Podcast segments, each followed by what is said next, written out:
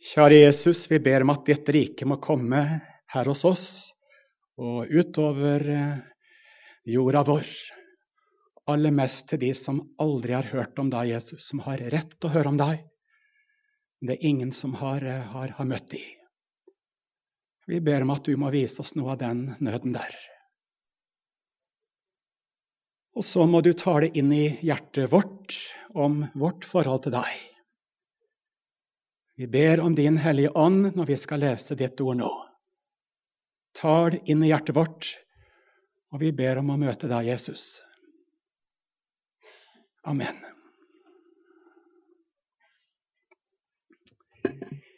Vi skal lese teksten om eh, talentene.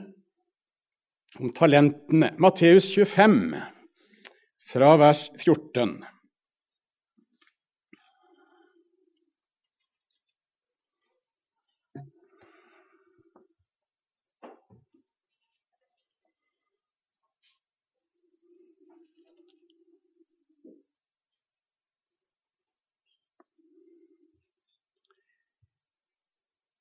For det er som med en mann som var i ferd med å dra utenlands. Han kalte til seg sine tjenere og overlot dem sin eiendom. Til en ga han fem talenter, til en annen to, til en tredje én talent. Hver av dem etter som de hadde evne til. Så dro han utenlands. Han som hadde fått fem talenter, gikk straks bort og drev handel med dem, og tjente fem til. Han som hadde fått to, gjorde det samme og tjente to til. Men han som hadde fått den ene talenten, gikk bort og gravde i jorden og gjemte sin herres penger. Etter lang tid kom så disse tjeneres herre og holdt regnskap med dem. Da kom han fram som hadde fått de fem talenter. Han hadde med seg fem talenter til og sa, 'Herre, du ga meg fem talenter. Se, jeg har tjent fem talenter til.' Hans herre sa til ham, 'Vel gjort, du gode og tro tjener.' Du har vært tro over lite, jeg vil sette deg over meget. Gå inn til din herres glede. Så kom han frem som hadde fått de to talenter, og sa, 'Herre, du ga meg to talenter. Se, jeg har tjent to talenter til.' Og hans herre sa til ham, 'Vel gjort, du gode og tro tjener.' Du har vært tro over lite, jeg vil sette deg over meget. Gå inn til din herres glede. Men også han kom fram som hadde fått den ene talenten. Og han sa, 'Jeg visste at du er en hard mann.' Som høster der du ikke sådde, og sanker hvor du ikke strødde. Derfor ble jeg redd. Jeg gikk og gjemte din talent i jorden. Se, her har du ditt. Men Hans Herre svarte og sa til ham, du onde og late tjener. Du visste at jeg høster der jeg ikke sådde, og sanker hvor jeg ikke strødde. Da burde du ha overlatt pengene mine til utlånerne så hadde jeg fått igjen med renter når jeg kom. Ta derfor fram talenten og gi den til han som har de ti talenter. For hver den som har, til ham skal det bli gitt, og han skal ha overflod. Men den som ikke har, skal, ikke, skal bli fratatt selv det han har. Og kast den unyttige tjeneren ut i mørket utenfor. Der skal de gråte og skjære tenner. Amen. Vi syns kanskje, kanskje, dette er en, en, spesiell fortelling. Hva i all verden betyr det? Det er en lignelse. Og Jeg skal ikke påstå at jeg har absolutt lys over det. Men jeg har i hvert fall lyst til å peke på noen ting som det står her. Klarer ikke å forklare alt, eh, men vi skal stoppe for noen ting som er viktig for trua vår. Når vi skal forstå en tekst som dette, hva betyr det? Da må vi i hvert fall tenke igjennom eh, hvem har Jesus talt til? Hvem er det retta imot? Det er jo ikke tilfeldig hvem Jesus taler ulike budskap til. Hvis vi går litt, litt lenger tilbake, Matteus 24, vers 3, kapittel 23, så har Jesus snakka til fariserene. I kapittel 24 starter det vi kaller Jesu endetidstale. Der står det da han satt på Oljeberget og disiplene var alene med ham, kom de til ham og spurte. Så begynner Jesus å, begynner å spørre om Jesu gjenkomst, og så begynner Jesus å snakke om, om gjenkomsten. Jesu endetidstale. Altså, eh, han har disiplene alene hos seg. Jesus taler til den, den kristne forsamlingen, ikke til de ikke-kristne. Men han taler til deg som bekjenner kristen tru, går i den kristne forsamlingen.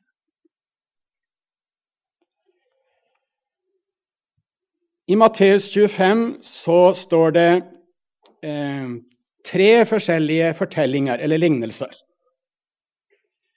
Rett før det vi har, eh, har lest nå, da står det om å ha olje på lampa. Du husker den fortellingen? Eh, Jesu gjenkomst, fem med, med olje på lampa og fem uten.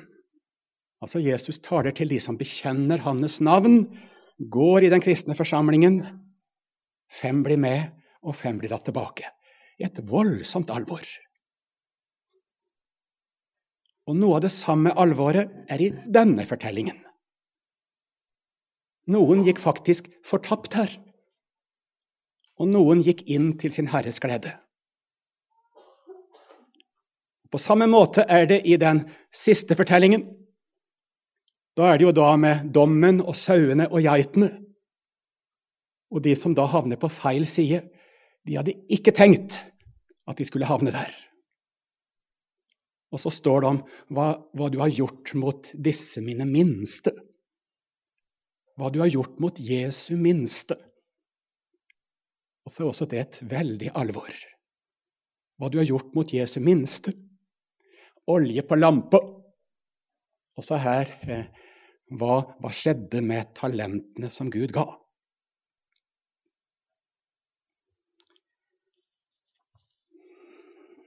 Lignelser. Eh, Jesus forteller lignelser. Den folkelige forståelsen er jo det. Lignelsene er sånne enkle, greie bilder, så alle skal skjønne det. Lignelsene er sånne enkle, greie bilder, så alle forstår det. Jesus snakker så forståelig og bruker sånne fine bilder, og så skjønner alle det. Er det sant? Nei.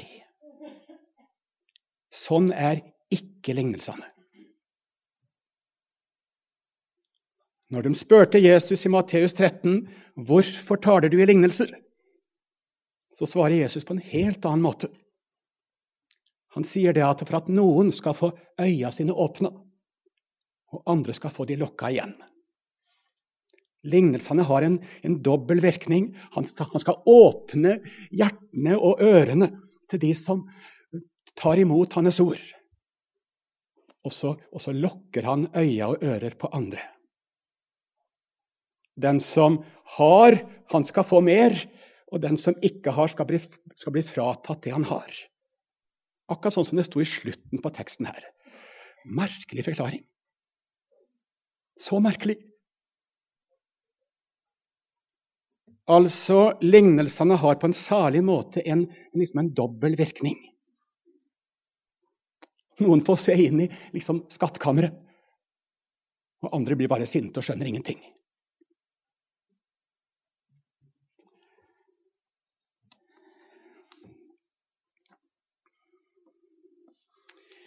Hva er den folkelige forklaring på dette med talentene? Hvis du spør folk flest når det står i Bibelen om talenter, hva, hva er det for noe? Jo, det har vi jo i språket vårt. Jeg syns det er artig å se på fotball. og nå, nå, nå, ser jeg en som virkelig har talent, en 15-åring, som springer rundt på med en ball. Han har så utrolig talent. og dribler så mange han vil omtrent altså, av voksne fotballspillere. Det er Gud som har talent. Han Martin Ødegaard. Utrolig talentfull. Jeg tror han har trena en del òg. Ja, sikkert. Han har trena ganske mye. Eh, liksom til å utvikle det talentet. Han har sikkert litt fra faren sin og litt forskjellig. Eh, ja, sånn snakker vi om du, Han er så talentfull. Utrolig talent. Noen er jo veldig musikalske har så utrolig har, og, noen, og, noen, tenker sånn at ah, de andre har så mange talenter. De kan alt mulig, er så flinke i alt mulig. Sånn brukes det i språket vårt, og det er jo for at vi har det fra Bibelen. Og det er liksom den folkelige forståelsen fra Bibelen. Men det er jo ikke en bibelsk forståelse.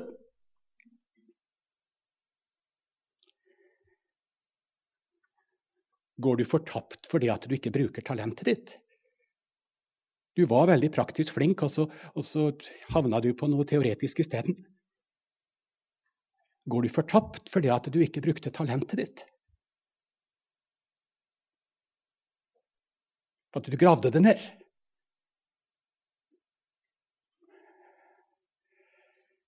Det er jo veldig, veldig sant at alt det Gud har gitt meg, av evner, anlegg, talenter i denne sammenhengen, eller i den forståelsen. Alt det, alt det jeg har fått som menneske, som et skapt menneske. Alt dette skal du bruke til Guds ære. Det er kjempesant. Du skal forvalte alt Gud har gitt deg. Du skal bruke dine evner så godt du kan med Guds hjelp. Du skal bruke altså de naturgavene, talentene, på den måten. Det er jo helt rett. Du, det er dårlig gjort kan du si, overfor, overfor det Gud har gitt deg. Du ikke bruker det du har fått. Men det ligger jo liksom på et allment nivå. Det handler ikke om frelse eller fortapelse.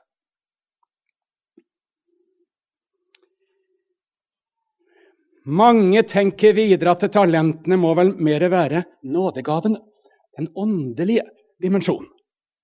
Den åndelige dimensjonen. Nådegavene etter at du ble en kristen. Noen har fått mange nådegaver, noen har fått få. Noen har fått mange talenter, noen har fått få talenter. Du må bruke nådegavene dine. For å bygge den kristne menigheten, for å hjelpe de andre, Jeg klarer likevel ikke se at det liksom gir skikkelig godt svar. Det var noen som gravde ned nådegava si. Vi brukte ikke nådegava si. Og så går du fortapt. Er, det Bibelens budskap?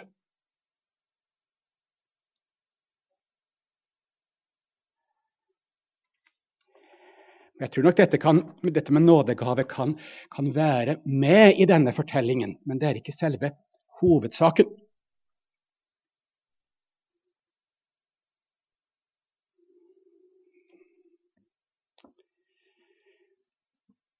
Jeg har lyst til å peke på det jeg tror er et nøkkelord i denne teksten, og det er jo dette det første, første verset. Det er som med en mann som var i ferd med å dra utenlands. Hvem tror du det er? Hvem er det? Han var i ferd med å dra utenlands, og så skulle han komme tilbake. Jeg tror nesten alle her i forsamlingen, hvis du tenker litt etter Ja, det der må jo handle om Jesus. Som reiser til himmelen. Som reiser utenlands til sin himmelske verden. Og så skal han komme tilbake. Og så blir, kan du si, dommen, oppgjøret. Det tror jeg alle er enige om. Det må denne lignelsen bety. Den handler om at Jesus har for opp til himmelen, han kommer tilbake. Og da blir du stilt til ansvar med livet ditt.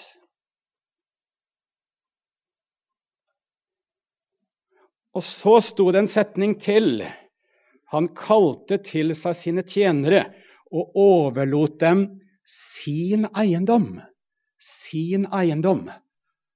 Jeg syns det er et kjempefint vers. Liksom, åh, da skjønner jeg litt mer hva det handler om. Han overlot de sin eiendom. Sin, Jesus sin eiendom. Hva er det for noe?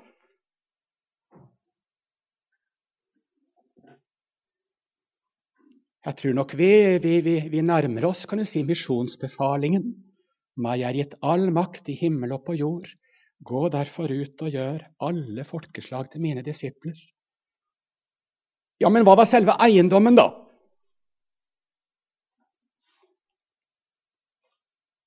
Det må jo være Guds ord.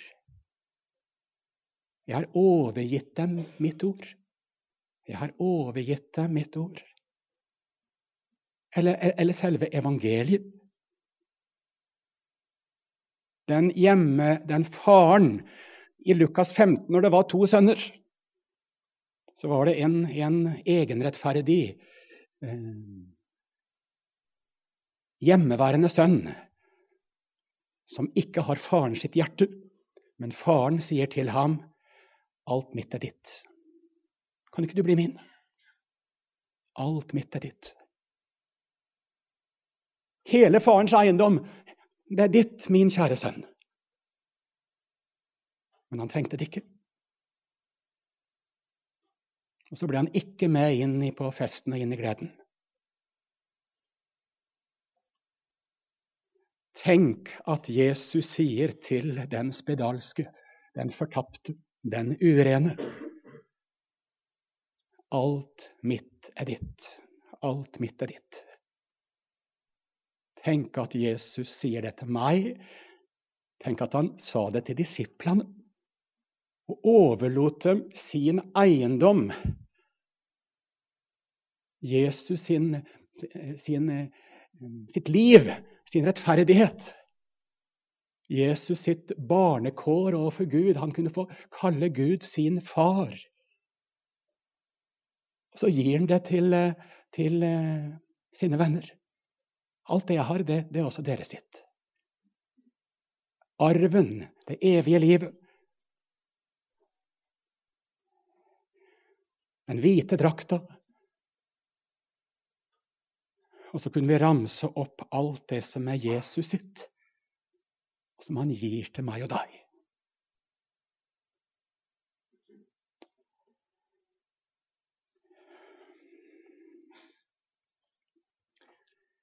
Er det ikke det som er å være en kristen?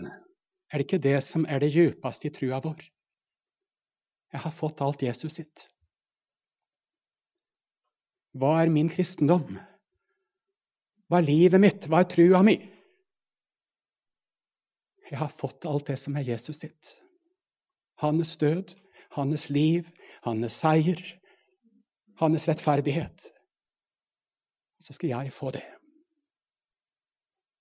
Og så tok han alt mitt. Han bytta plass med meg.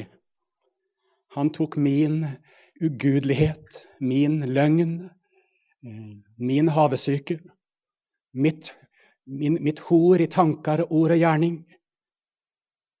Eh, mitt begjær, onde begjær. All min urenhet, den tok Jesus.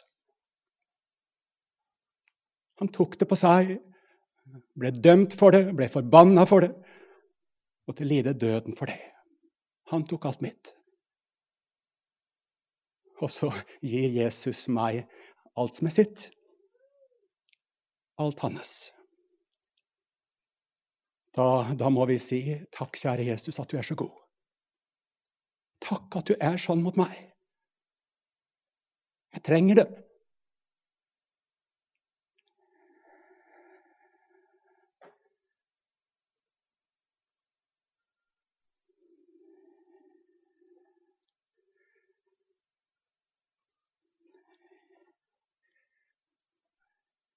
Det er klart, hvis dette graves ned Det siste jeg har snakka om nå Hvis dette graves ned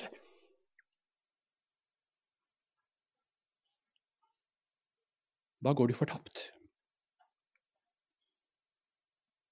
Men hvis det er dette du, du lever i, det er det som er redningen din Det er der du lever. Og det er det som flyter videre til andre mennesker.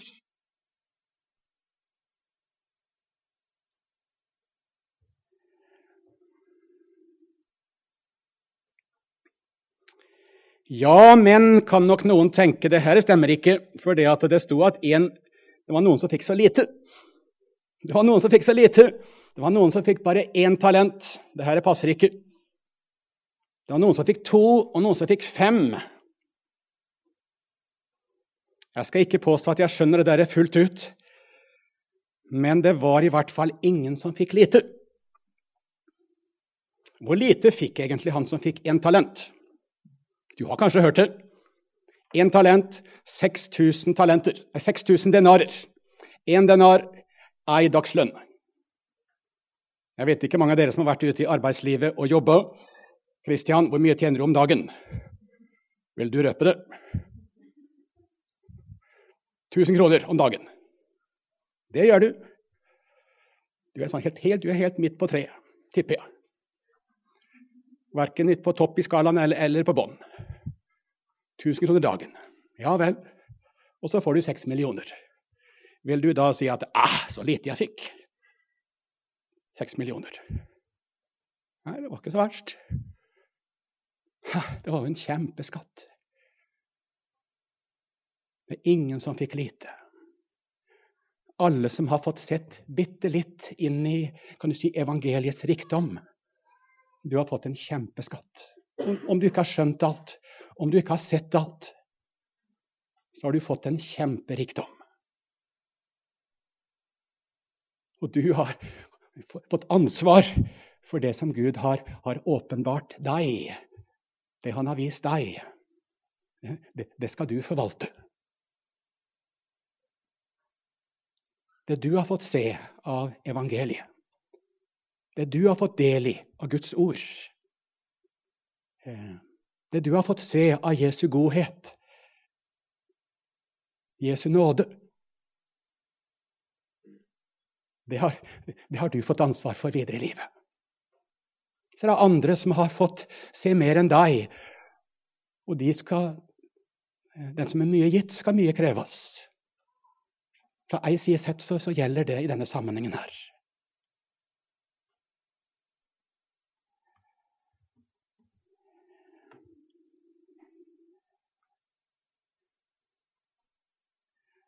Så, så, teksten handler noe om hva har jeg gjort med den skatten jeg fikk. Men aller mest handler den om trengte du den skatten. Trengte du den skatten? Er den skatten viktig for deg? Den selvhjulpne, den egenrettferdige, trenger ikke denne skatten her. Og han graver den ned.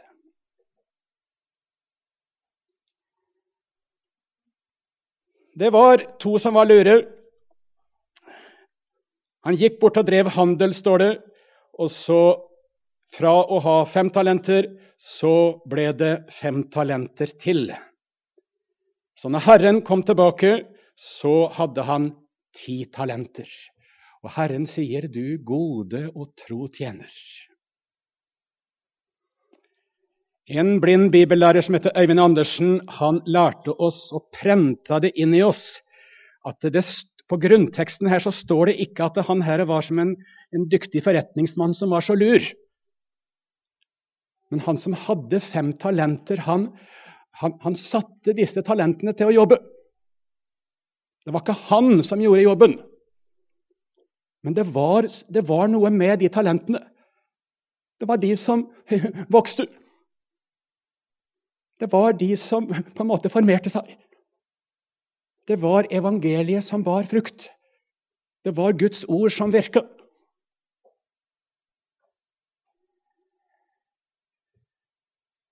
Bli i meg, sier Jesus, så blir jeg dere. Du skal bære mye frukt.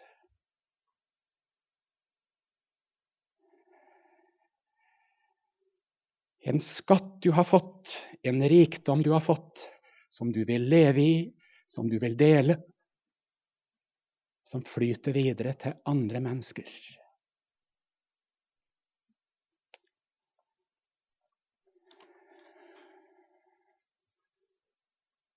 Det var jo en det gikk galt med. Han gravde det ned. Og så står det noe spesielt da om han som gravde det ned. Vers 24. Også han kom fram som hadde fått den ene talenten, og han sa, Herre, jeg visste at du er en hard mann, som høster der du ikke sådde, og sanker hvor du ikke strødde. Ser du hjertet hans? Eh, ser du innersida i tankene hans?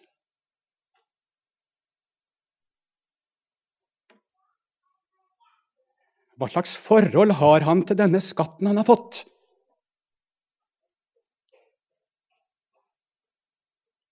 Jeg visste at du er en hard mann, Jesus, som krever tilbake av meg. Nå har jeg passa på det, jeg, det, det, du har gitt meg. Jeg gravd det ned. Og nå har jeg gjort så godt jeg kunne og leverer det tilbake til deg. Jeg regner med at du er fornøyd. Og så sier Gud at du onde og late tjener. Så går denne personen fortapt.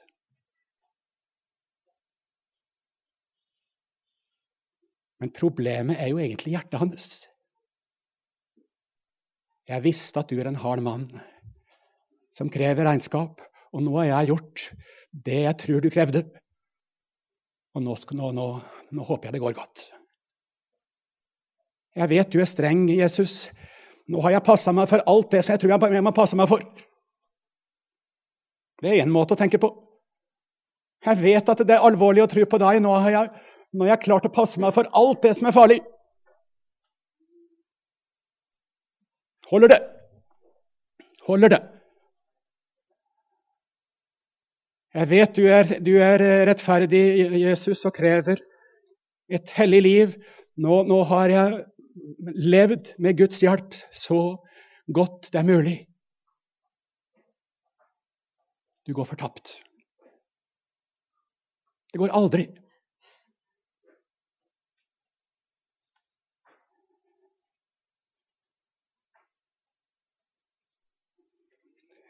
Hvis det er sånn du tenker, sier Jesus, da kunne du i hvert fall ha overlatt talentene til utlånerne. Jeg vet ikke hva det betyr, men jeg tenker liksom at du, om du ikke sjøl vil leve i evangeliet, så kan du i hvert fall uh, gi Guds ord til andre. I hvert fall la andre få Bibelen, eller andre få det som ikke du bruker.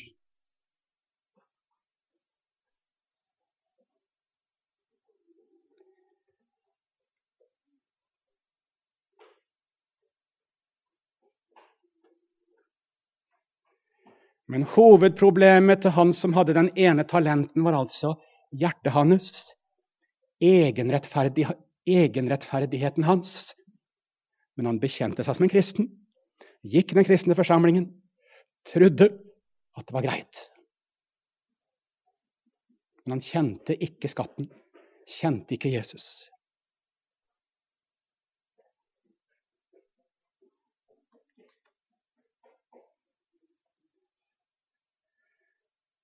Men ta det til deg, du som trenger skatten. Jesus tok alt ditt, og så får du alt hans.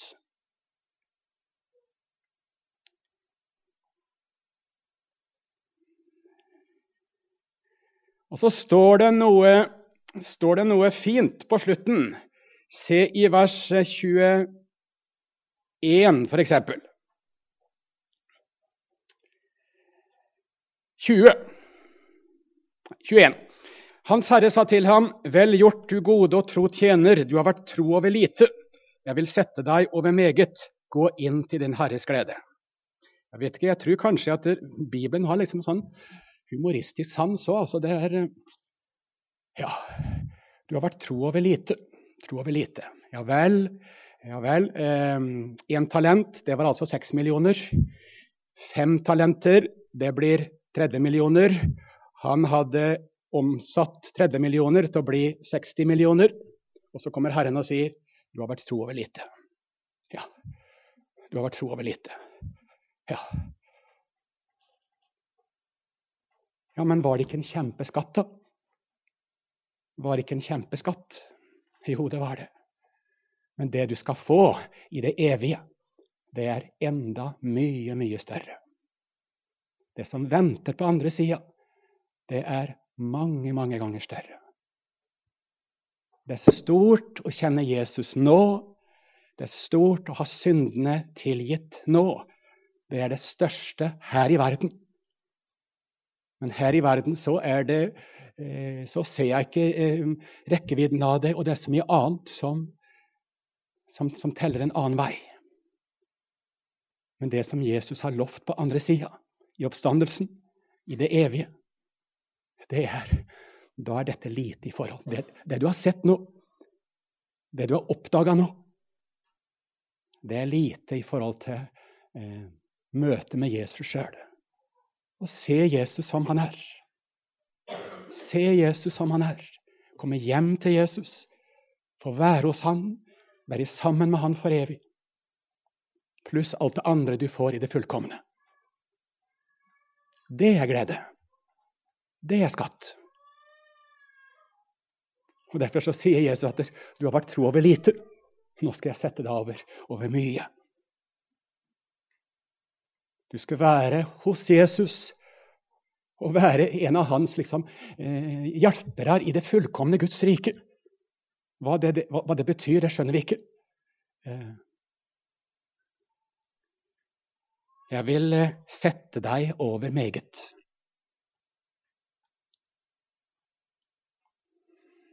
Kan du ha med det? Eh, her står det også om forholdet mellom det du har nå, det du ser nå, og så det som venter.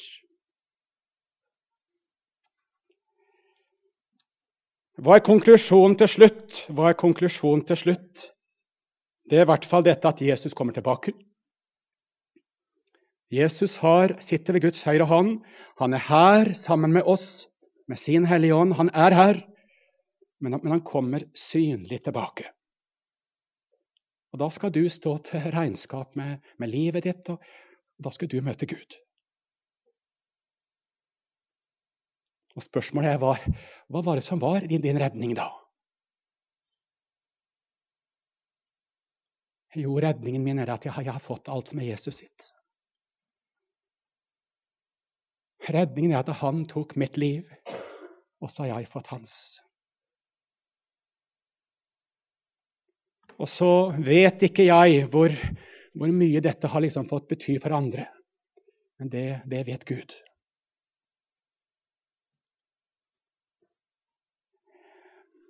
Ta imot Jesus sin eiendom i dag.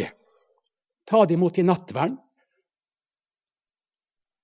Jesus sier, 'Dette er mitt legeme som gis for deg'. Dette er mitt blod som gis for deg. Alt mitt, sier Jesus, er ditt. Jesus sin eiendom. Ta imot det. Lev i det. Kjære Jesus.